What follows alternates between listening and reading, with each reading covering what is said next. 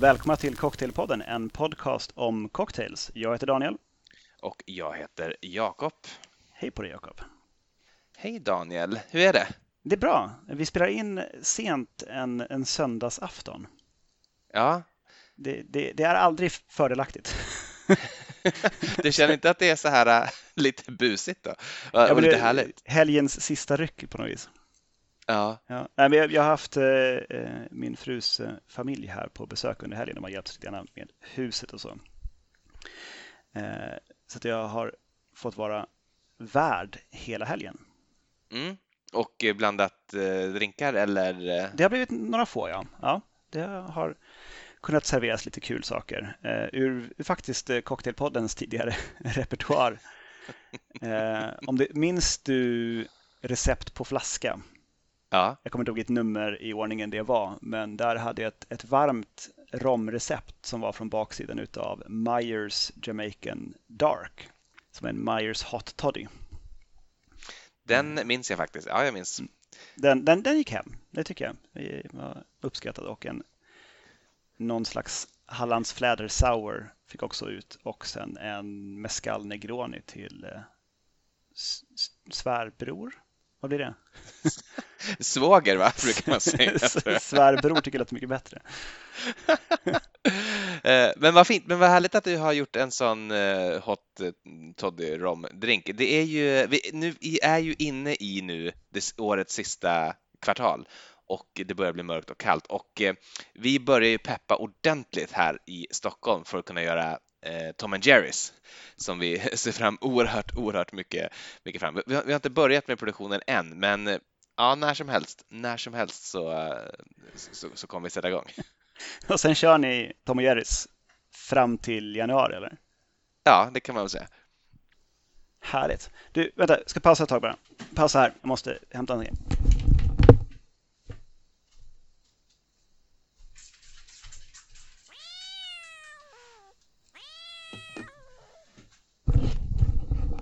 Sådär, ifall du undrar vad jag gjorde så var jag och hämtade en flaska med spraybart vatten som jag sprayade på våra två katter som hade lite Fight Club.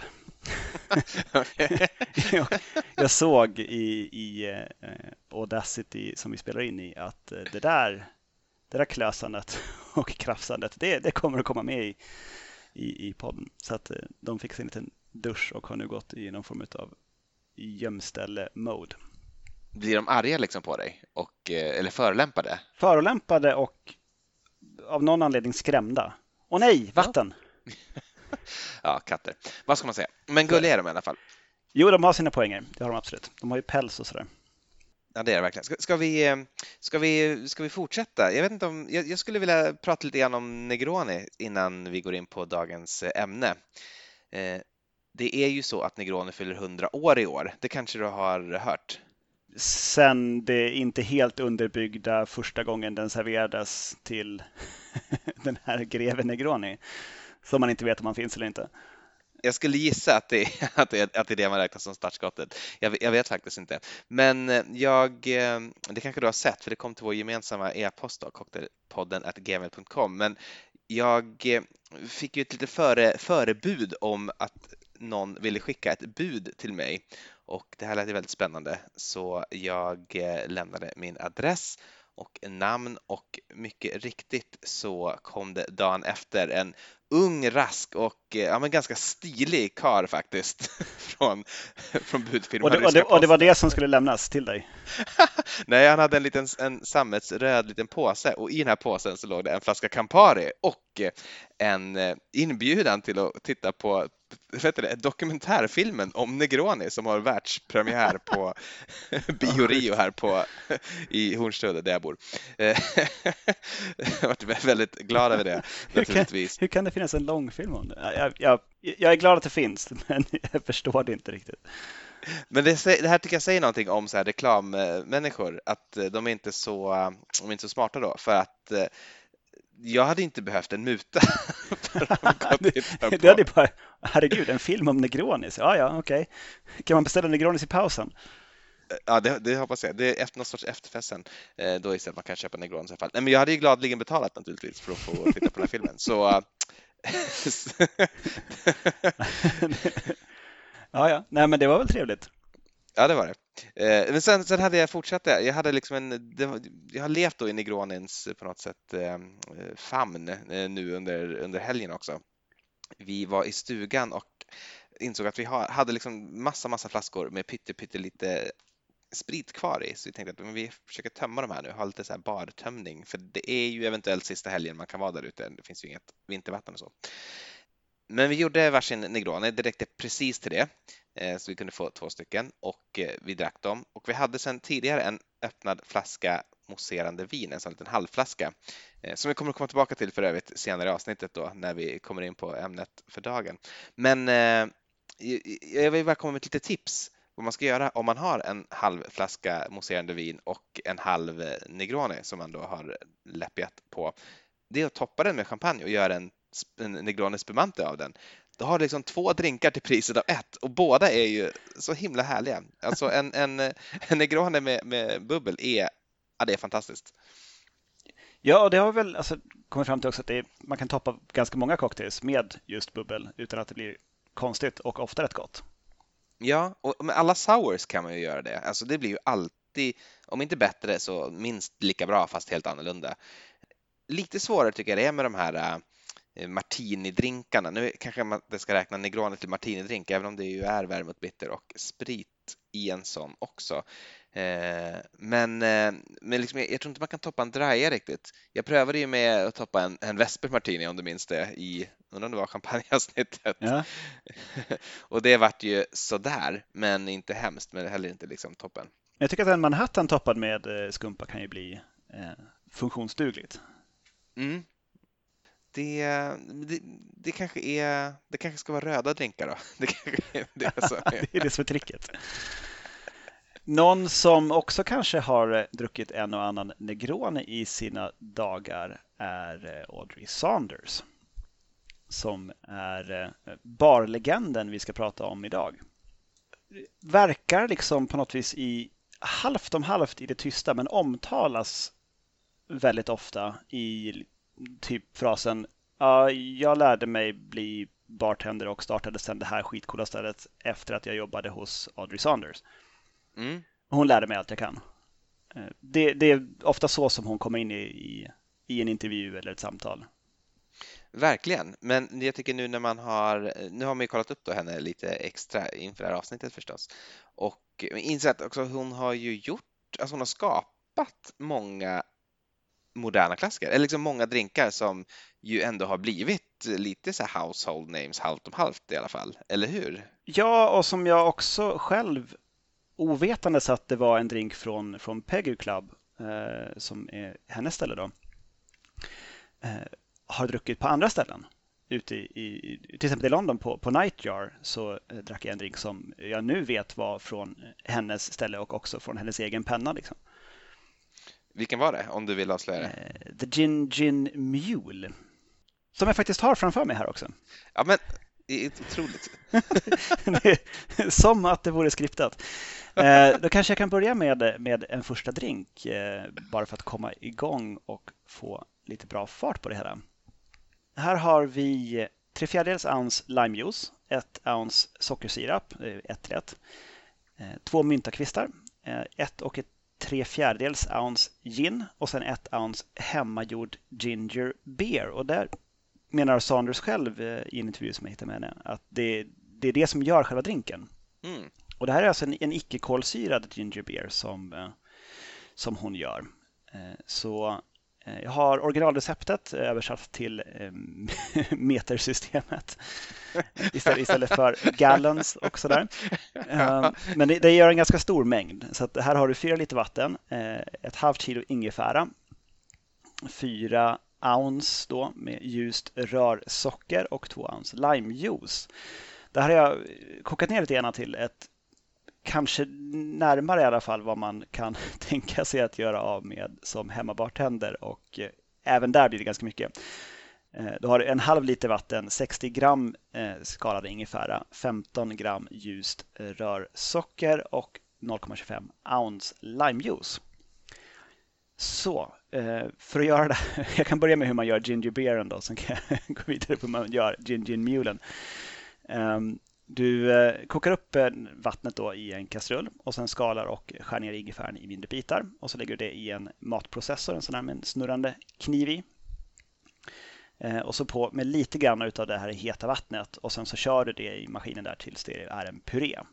Och sen så väljer du tillbaka den purén i kastrullen med det heta vattnet och eh, sätter på ett lock och låter det stå en timme. Sen silar du det här liksom soppan då genom en silduk eh, och det som kommer ut där det kommer att vara grumligt och det, det, det, det är så det ska vara. Det ska inte vara en helt klar vätska. Eh, och sen i med rörsocker och limejuice i det och rör tills sockret har löst upp sig och sen förvarar det här i kylskåp en obestämd tid. Men jag tänker att när det börjar växa någonting som säger hej i flaskan så då är det dags att göra en ny omgång med ginger beer. Och den här ska inte kolsyras, det är viktigt. Hon menar på att den får väldigt skarpa och bittra smaker om man om man kolsyrar den. Eller på något vis att ingefärs, ingefärigheten blir för mycket eller på fel sätt. Jag har inte provat kolsyra den så jag, jag, jag varit rädd av det hon sa. Ja. Eh, I alla fall, ehm, den här, du bygger den helt enkelt i ett glas men du börjar med att muddla den ena av de här två myntakvistarna tillsammans med limejuice och sockersirap i ett Collinsglas som ska rymma cirka 10 ounces, så 30 centiliter. Då.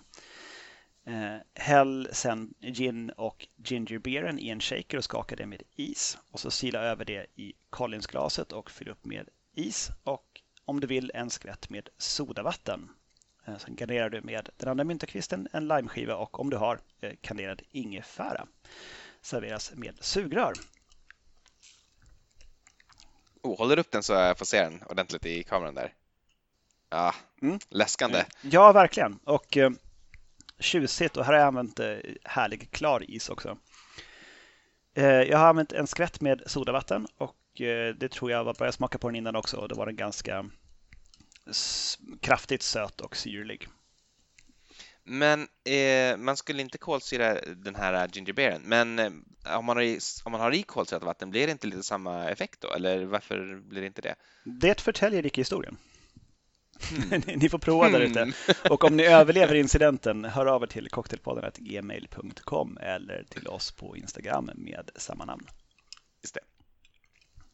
Så, eh, Audrey Saunders Ehm, hon var väl i 30-årsåldern när hon eh, växlade över till att börja stå bakom, bakom bar. Innan dess höll hon på med någon form av rengöringsfirma, någon slags specialty carpet cleaning i New York. Så att hon, det var liksom det som hon jobbade med. Och hon var gift med någon, någon kar och tyckte väl att livet var, det var lite trist. Det var, det var väl inte riktigt kanske vad hon hade hoppats på. Så då började hon eh, göra lite bartenderskift på något som heter Brooklyns Waterfront Ale House. Som väl var någon slags, men ett ölhak helt enkelt. Eller inte hak, men en, en ölpub. Mm. Eh, så där fick hon, eh, fick hon jobba och eh, typ på nåder. Hej, jag kan inte jobba i bar, men jag tycker det verkar kul. Kan jag få jobba här? Men var det att hon kände, kände någon eller? Det var någon karl som hette Corey i förnamn och efternamnet minns jag inte. Men som sådär, hon pratade med och sa hej, jag, jag skulle jättegärna vilja jobba här. Så det, det gjorde hon då eh, ett tag och medan hon jobbade där så eh, tipsade den här Corey om att eh, Dale DeGroff, även kallad av sig själv då, King Cocktail. som, som då höll, höll hov på Rainbow Room i New York. Han hade en, en driva bar-kurs för liksom hur, man, hur man startar upp och driver sin egen bar. Och då fick hon tips av Corey att men gå, gå på den här, det, det är nog bra. Så hon gick dit och, eh, och lyssnade på Dale DeGroff i någon, någon eller några timmar. Och hon är faktiskt fortfarande kvar, såg jag i en intervju, det här äh, pamfletten eller det här lilla kompendiet som var med i den kursen. Det har hon sparat. en, en, en till nu liksom. Men det här är, det här är typ 90, 95, 96, 97 någon gång va? Ja, det är sent 90-tal. Eh, innan cocktailrevolutionen riktigt sådär kommer igång. Men det var ju också under den där kursen som hon beskriver att hon fick liksom sin sitt aha moment om, om cocktails och att, vad, vad det kan vara. För Dale DeGroff presenterade drinken Blood and Sand. Alltså whisky, apelsinjuice, sötvermouth och cherry hearing. Och hon tyckte att det där lät ju alltså vidrigt. Det där, mm. det där kan man inte dricka. Men så gjorde de den här drinken och förstod att jaha, oj, ja, det här var ju jättegott och jag, jag, jag skulle vilja veta lite mer. Mm. Så hon, eh, efter kursen så eh, gav hon Dale sitt eh, carpet cleaning business card och bara hej, ehm, jag vill jobba gratis. Jag får jobba med dig vad som helst. Du behöver inte betala mig, det är lugnt. Men det, det kunde inte Dale DeGraff lösa på, på Rainbow Room för de hade, det var en fackligt styrd organisation. Så kunde inte ha någon gratisarbetare där. Ja, okej. Okay. Måste ha en union, union people. Eh, så hon fick jobba på lite gratis-event som han var ute och gjorde. Eh, bland annat, eh, lite intressant, fester arrangerade av den dåvarande borgmästaren i New York, Rudy Giuliani, som också är i ropet nu kan man säga. Ja, han har verkligen han har, han har fått en, en andra vår kan man säga i det offentliga. Ja, åtminstone någon slags, ja, men kanske en andra höst eller något. Ja, nå någonting. Jösses. Det har gått ut för med karln i alla fall. Men han är fortfarande på tv, så det är ju bra. Eh, hon, hon följde i alla fall med Dale DeGroff sen när han flyttade från Rainbow Room till en, vad jag förstått det som, kortlivad bar som heter Blackbird. Mm. Och så vidare på lite andra ställen. Och DeGroff var ju på något vis inblandad också i att stötta och mana fram flera andra som sen gjorde den här cocktailrevolutionen möjlig i New York. Alltså eh, Sasha Petrask, eh, Julie Reiner, eh, sen är det någon som heter Dusan Zarek som jag inte känner igen namnet på och en karl som heter Robert Hess som drev Drinkboy Message Board. Det var ju när internet var ganska nytt, så då hade man message boards där man skrev. typ forum heter det på svenska. Alltså typ som, som Flashback fast med, hoppas jag, mindre, mindre rasism och mera drinkrecept. Men undrar om inte, där han Ted Haig liksom startade ja, sin karriär exakt. Också? Han var med på, på Drinkboy Message Board. Um, och Gary Regan också. Och David Wondrich. Alla de, ja, han hette Gary då. Han hade bytt namn till Gas. Ja, okay. Jaha, men det är samma person? Det är samma person, ja. Gary Regan och Gas Regan är samma person. Och, och David Wondrich innan han eh, blev eh, cocktailhistoriker eh, som han är idag. Så hela det gänget var ju, var ju med där på, Eh, på det här Drinkboy Messageboard. Och eh, hon är för övrigt gift nu med eh, Robert Hess som startade Drinkboy Messageboard. Hon skilde sig efter att hon började jobba i bar från sin mattstädande kar som var en tråkmåns. det, det, vet vi ingenting om kanske vi ska säga. Nej, det, det, det är sant. Jag, jag har gjort lite fria tolkningar av, av vad jag har läst. Eh, får jag, får jag bryta in här eh, direkt nästan? Eh, om, angående Blackbird, då den här mm. baren, så serverades det en drink på Blackbird som eh, Eh, Audrey Sanders eh, blev väldigt eh, förtjust i och vars namn har kommit att bli ikoniskt via henne då. Eh, det är en drink som jag har framför mig och det är därför jag då ville ta tillfället i akt att få börja läppja på den. Och det är förstås gindrinken Pegu Club som jag pratar om.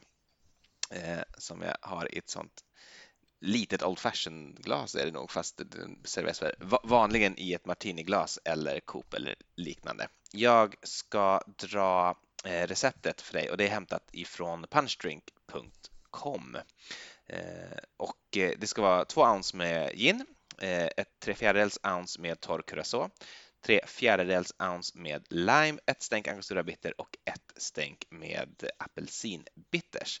Och det ska skakas och silas till lämpligt glas och sen garneras med ett limeskal. I mitt fall har jag ett ganska smalt, långt sådant som ligger som en liten orm i glaset. Och eh, mm, ja, den är god och frisk. Det är en sorts, eh, en sorts eh, sour med lite apelsin då från Curacao. Eh, en, härlig, en härlig drink. Eh, visst djup då av bitterserna också. Nu är, har den redan hunnit bli lite varm, för jag var lite eh, tidig ibland till den, men alltjämt uppfriskande och läskande och god. Hon döpte sin bar till Pego Club just, just därför. Eh, för att det var liksom en, en känd gindrink i New York på den tiden som hon tänkte att de som, de som fattar någonting om cocktails, de vet vad en Pego Club är de gillar en Pegu Club. Och döper jag min bar till Pegu Club så kommer folk att fatta att här finns det drinkar gjorda på gin och inte bara på vodka, vilket var det vanliga i New York på sent 90-tal, till 2000-tal. Just det, hon har väl sagt att hon, hade, hon gjorde en sån reversed, eh, vad heter det, barstock med vodka och gin. Att normala var att man hade tre flaskor gin och eh, 18 flaskor vodka, men hon satsade på 27 flaskor gin och eh, tre flaskor vodka istället då. Och eh, det här då skulle på något sätt vara ett sånt litet, en, en blinkning till, till den publik hon var ute efter till sin bar. Den här drinken har ju för övrigt en ganska lång historia. Känner du till någonting om den? Det dyker väl upp i Savoy Cocktail Book kanske? Eh, nej, den kommer ursprungligen beskriven eh, tror jag i faktiskt tidigare, redan 1927 i Barflies and Cocktails, det vill säga Harry McElhones eh, cocktailbok, alltså eh, Harrys New York Bars ägare, Harry McElhones, som jag pratade om i tidigare avsnitt också. Men, men från början ska den ha serverats på herrklubben Pegu Club som var en del i nätverket av herrklubbar i det brittiska imperiet och just den här ska ha funnits i Yangon eh, som var en liten stad utanför Rangoon i eh, Burma. Eh, numera Myanmar, va? Visst säger man inte Burma längre? Eller säger man inte Burma igen nu? Eller ja, om du vet. Vi har inte så bra koll på det här. Det, det är inte våran grej kan man säga. Men, men den, den letade sig in i alla fall. Det här var liksom the house drink på The Pegu Club och därför hette det också drinken Pegu Club. Eh, och eh, den plockades upp då i den här boken och sen har den levt sitt liv tills Audrey Saunders plockade upp den och eh, liksom är tillbaka då och har gjort en bar av det här namnet igen. Så det har liksom gått hela varvet runt här. Eh, tycker jag är ganska stiligt. Nu, nu föregick jag lite grann. Du är ju, var ju inne i den här spännande historien om eh, om, om, Order is Saunders, men har ni bara kommit till Blackbird och eh, vi hoppar lite fram och tillbaka. Men du kan väl fortsätta där du var? Ja, det, är inte, det är inte jättemycket mer innan hon till slut hamnar på Pegu Club och, och sätter igång den. Men hon jobbade på ett ställe som heter Beacon, i, också i New York. Eh, allt det här är i New York kan man säga. Eh, som hörde till en, en restaurangkoncern som också hade en, en bar som hette Windows som låg i, eh, i World Trade Center. Så att det var nära på och på vips att hon eh, jobbade i, i World Trade Center. Eh, och hon förlorade också väldigt många vänner som jobbade på Windows när 11 september hände. Så, eh, och då var hon också tvungen att, att sluta arbeta på, på Beacon för att de var tvungna att sparka folk. För att hela liksom downtown och barscenen funkade inte längre efter 11 september. Folk gick inte ut på det sättet. Och att vara nära Ground Zero och ha en, en bar var inte, inte förenligt. Eh, men jag har faktiskt en drink från eh, hennes tid på Beacon eh, framför mig. Någonting som hon kallade för en Tantris Sidecar. Mm. inte hittat någon förklaring på varför den heter Tantris, men den innehåller följande. Ett och ett fjärdedels ounce konjak, ett halvt ounce calvados, ett halvt ounce cointreau, ett fjärdedels ounce grön chartreuse, ett halvt ounce citronjuice, ett halvt ounce sockersirap och ett fjärdedels ounce ananasjuice. Skakat med is och silas till ett kopglas med sockerrand. Garnera med citronzest. Och så ser den ut. Sockerranden blivit lite kletig med tiden här, men den var fin och crisp när jag, när jag gjorde drinken. Eh, jag har precis samma. Det är därför jag också sitter med en, en liksom din dubbelgångare här i webbkameran. Vad tycker du om den? Jag tycker att jag, jag tycker den lite saknar en liten skvätt mer syra för min smak.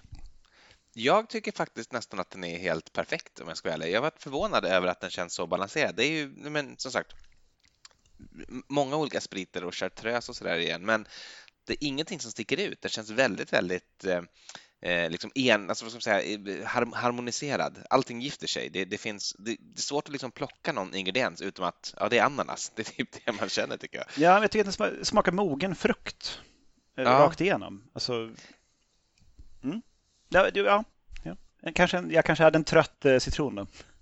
Eh, kanske. Jag, jag tycker den var jättegod faktiskt. Jag gillar den väldigt mycket. Jag visste dock inte att den var ifrån Windows, utan jag trodde eh, att den också var från Beacon, förlåt. Mm. Eh, jag trodde att den var ifrån eh, Pegu Club, att, att det är där den kommer, för det stod det nämligen i min källa Men det stämmer ju uppenbarligen inte då, så det var ju roligt för mig också att få höra att eh, den har en längre historia än så och en del med väldigt dramatisk historia får man ju säga då också.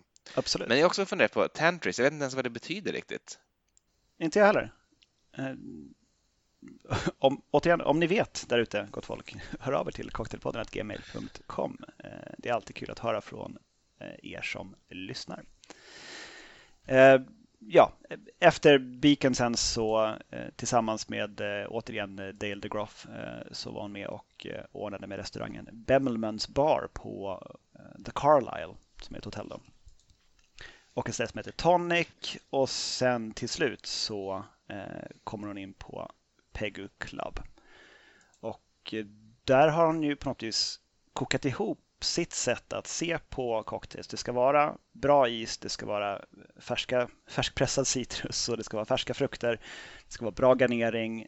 Alla drinkar ska vara, ska vara någonting. Det ska liksom inte vara någon drink som inte hör hemma på menyn och ingen, ingen, inget som bara alltid finns där. Utan det ska bara vara bra drinkar och alla som jobbar i baren måste bry sig. Mm. Och det är väldigt väl omvittnat att, att det också lyckades. Hon fick ett väldigt bra team alldeles, alldeles i början. Um, till exempel Phil Ward har mm. varit där och jobbat. det, det, det, är en kul rekrytering. Han var ju ny i, i branschen då. Uh, Mihen från eh, PDT uh, var också alldeles i början där, 2005-2006 eh, på Pego Club. Han öppnade i PDT 2007. Sen är det Sam Ross som numera driver Attaboy som ligger i lokalerna där eh, eh Milk and Honey först öppnade. Milk and Honey flyttade ju sen till nya lokaler. Så i de, i de ursprungliga Milk and Honey-lokalerna så ligger ju Attaboy och det är Sam Ross som, som driver den. Så det, och listan är mycket längre än så på folk som var tidiga på Pegu Club och och eh, fick lära sig göra drinkar på Audrey Saunders sätt och framförallt att ta fram drinkar på Audrey Saunders sätt.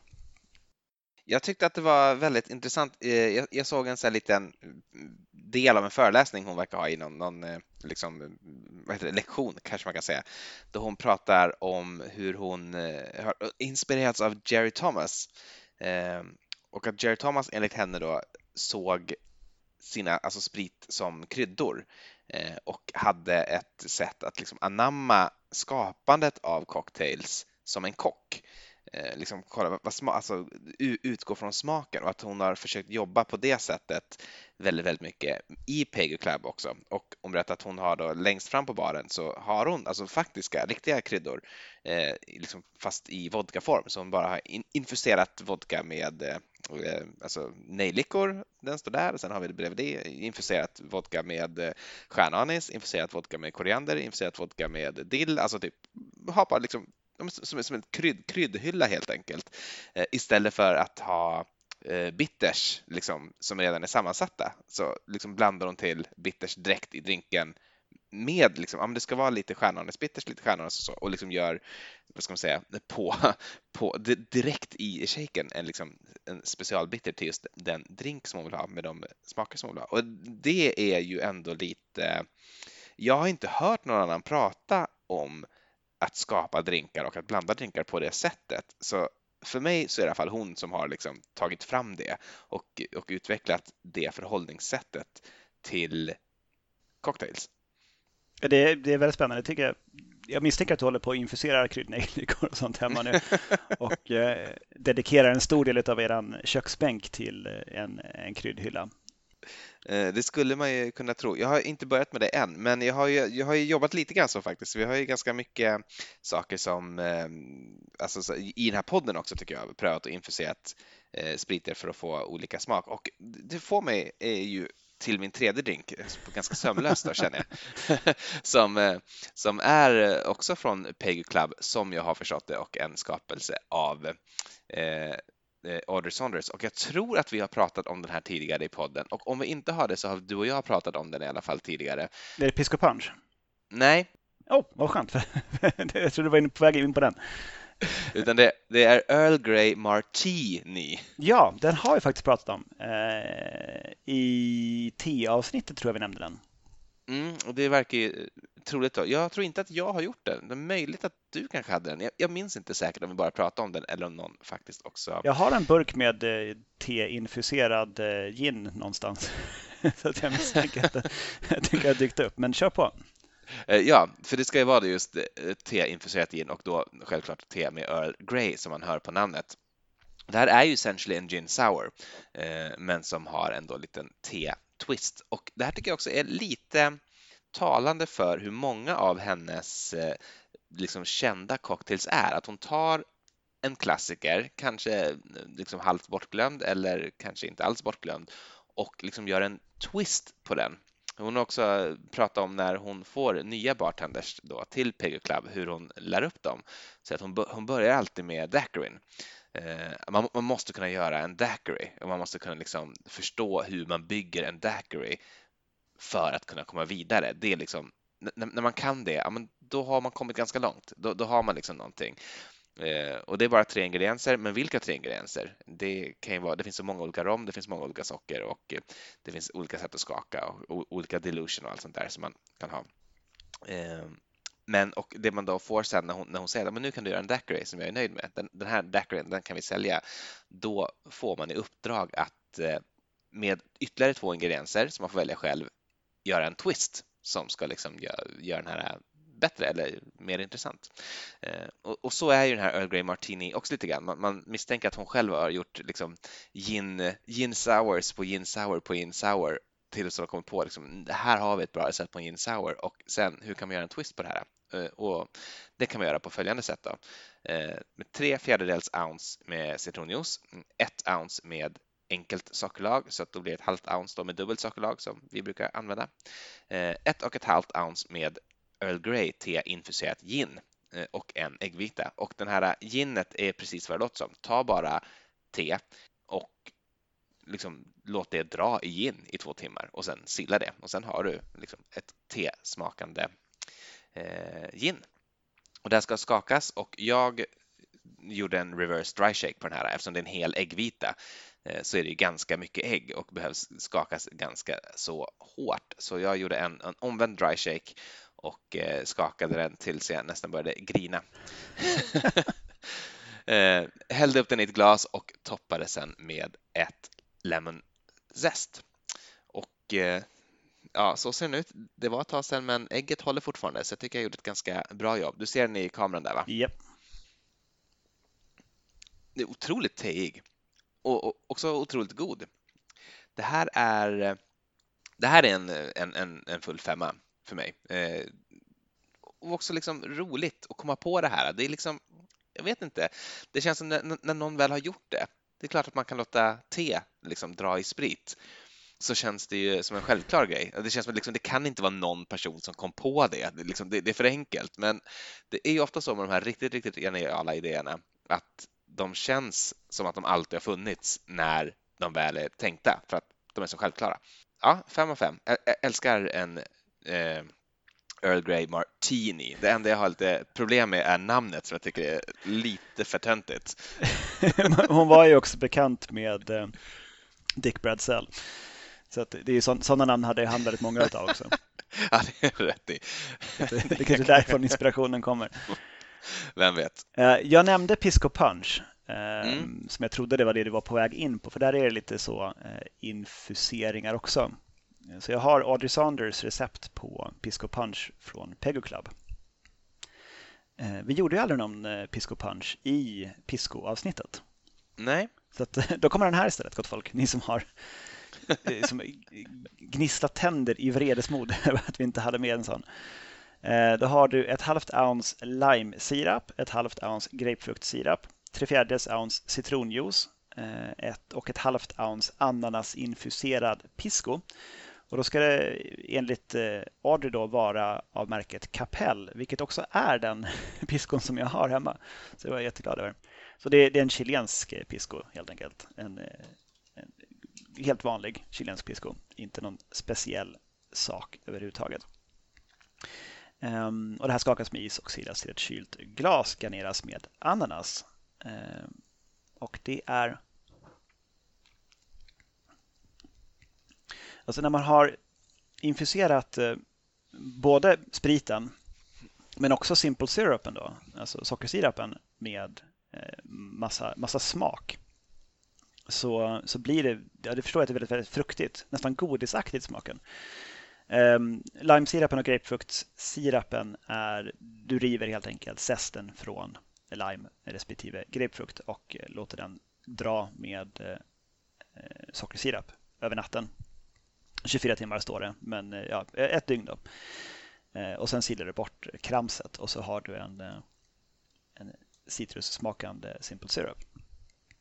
Eh, och eh, ananasinfuserad pisco, ja, du skär ananas i små bitar och sen så låter du dem stå i en burk i eh, tre dygn ska det vara.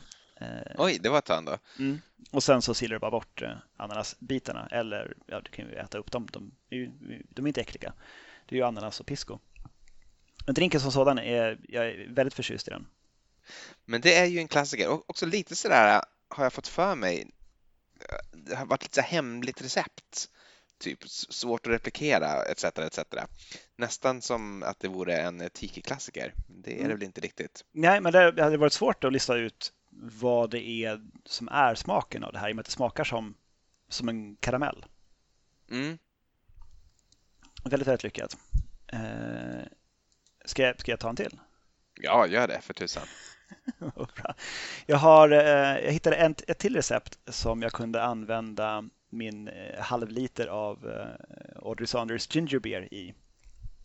Nämligen en Jamaican Firefly som du har tre fjärdedels ounce limejuice, ett ounce 1 till 1 sockersirap, ett och ett halvt ounce mörk rom och då föreslår hon Goslings Black Seed, vilket också är det som jag har använt här.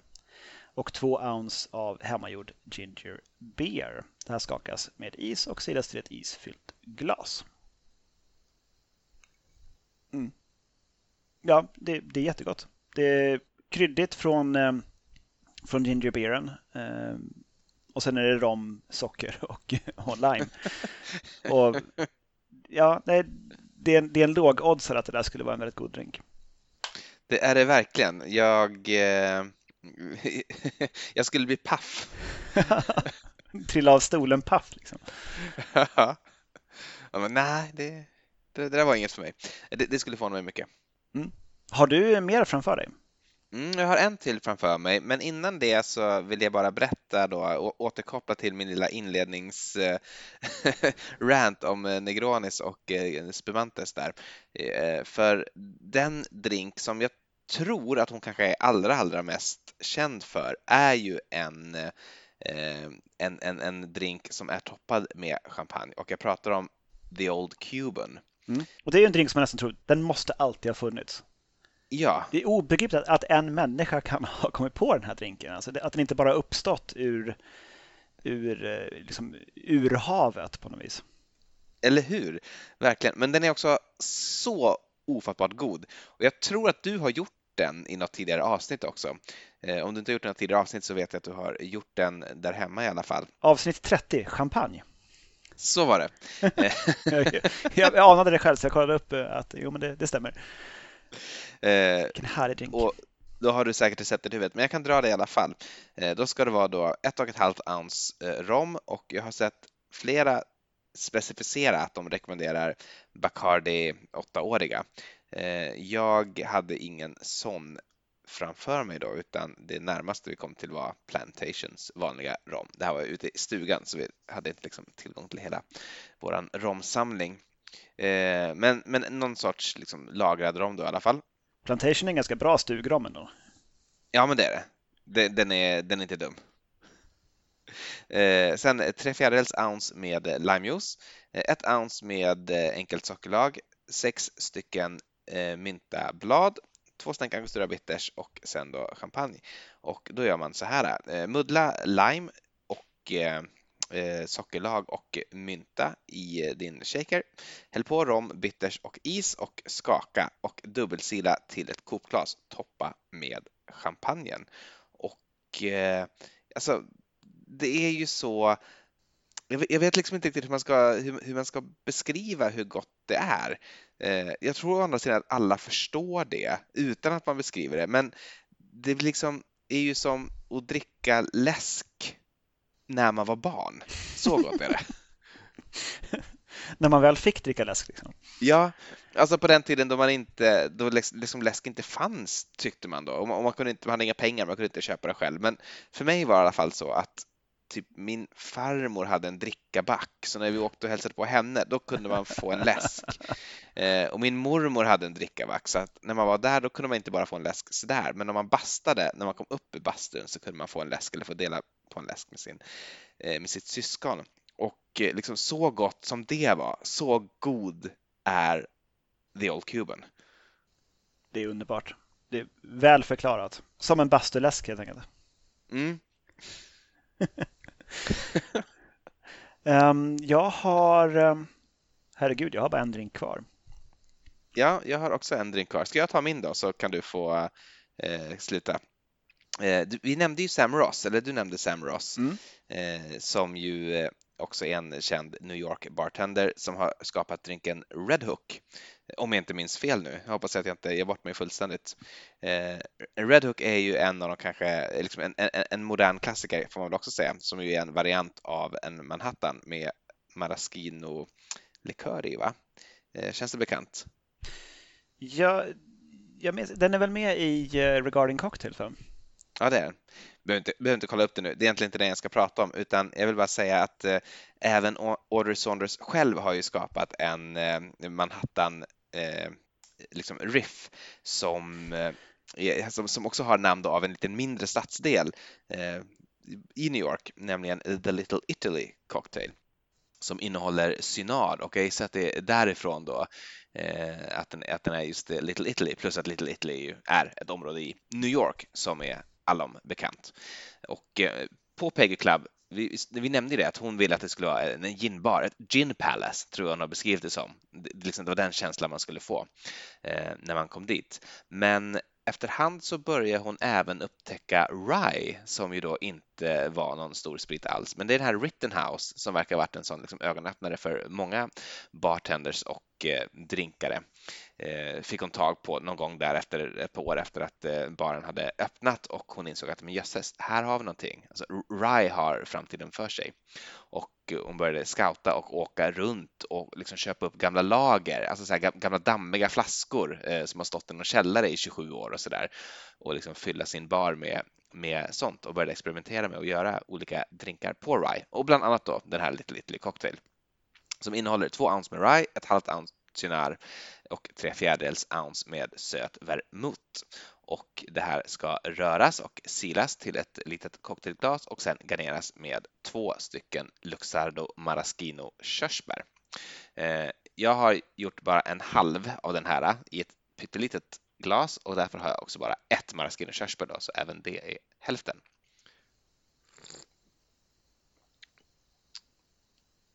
Ja, smakar precis som man tänker sig det är en variant av en Manhattan och eh, den är god och den är vuxen. Men jag tror nästan att jag gillar både Red Hook och eh, en vanlig Sweet Manhattan bättre. Jag tycker inte riktigt, riktigt, riktigt att eh, eh, Synar gör sig så bra som jag hade liksom tänkt mig när jag såg receptet. Jag vet inte, det blir liksom lite för bittert. Det kanske är för att jag har en ganska bitter eh, vermouth också. Jag har Carpano eh, Antica Formula som ju är ganska så besk men eh, jag vet inte riktigt. Alltså det, det, är gott men det är inte 5 av 5 men det är kanske 4 av 5 då. Härligt. Eller ja, inte fullt så härligt då. Men alltså, okej, okay, typ. Ja, det är fortfarande härligt. Det, det, det, är fortfarande en god drink. Jag ska, jag ska inte tala ner det för mycket. Okej, okay. men då kan jag toppa med en fantastisk drink då. Ja. Nämligen en drink skapad 2006 på Peggy Club, en tidig Peggy Club-drink eh, av också Audrey Saunders själv som heter French Pearl. Då har du två ounce gin, ett halvt ounce pastis, eh, tre fjärdedels ounce limejuice och tre fjärdedels ounce sockersirap samt fyra till fem myntablad. Och då muddlar du myntbladen i en shaker och tillsätter resten av ingredienserna. Skakar med is, silar till ett kylt kopglas och garnera om du så vill med ytterligare ett myntablad. Obeskrivligt gott. Det, det är ju en, en, en gin sour på, på lime. Men med mynta och med anis från, från pastissen. det är mycket på gång och eh, väldigt, en vuxen smak men samtidigt det är inte superlångt från en bastuläsk. Nej, men alltså, det är mycket som blir godare med en liten, liten, liten skvätt absint eller pastis. Mm. Det, är, det är verkligen intressant. The Improvinator. Men där har du ju återigen alltså kryddorna. Ja. Förstår du vad jag tänker? Ja, hon har kryddat den här med anis. Mm. Och i övrigt så är det en, en, en myntasmakande eh, gin sour. Fantastiskt gott låter det. Ja, har du pastis hemma så föreslår jag att du slänger dig på skåpet och trots att det är söndag kväll gör det en eh, French Pearl.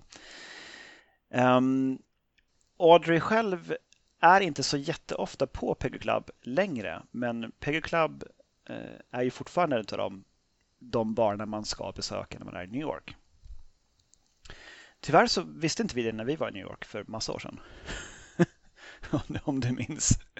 Jag minns det och det var år 2005 minns det jag. precis när de öppnade det.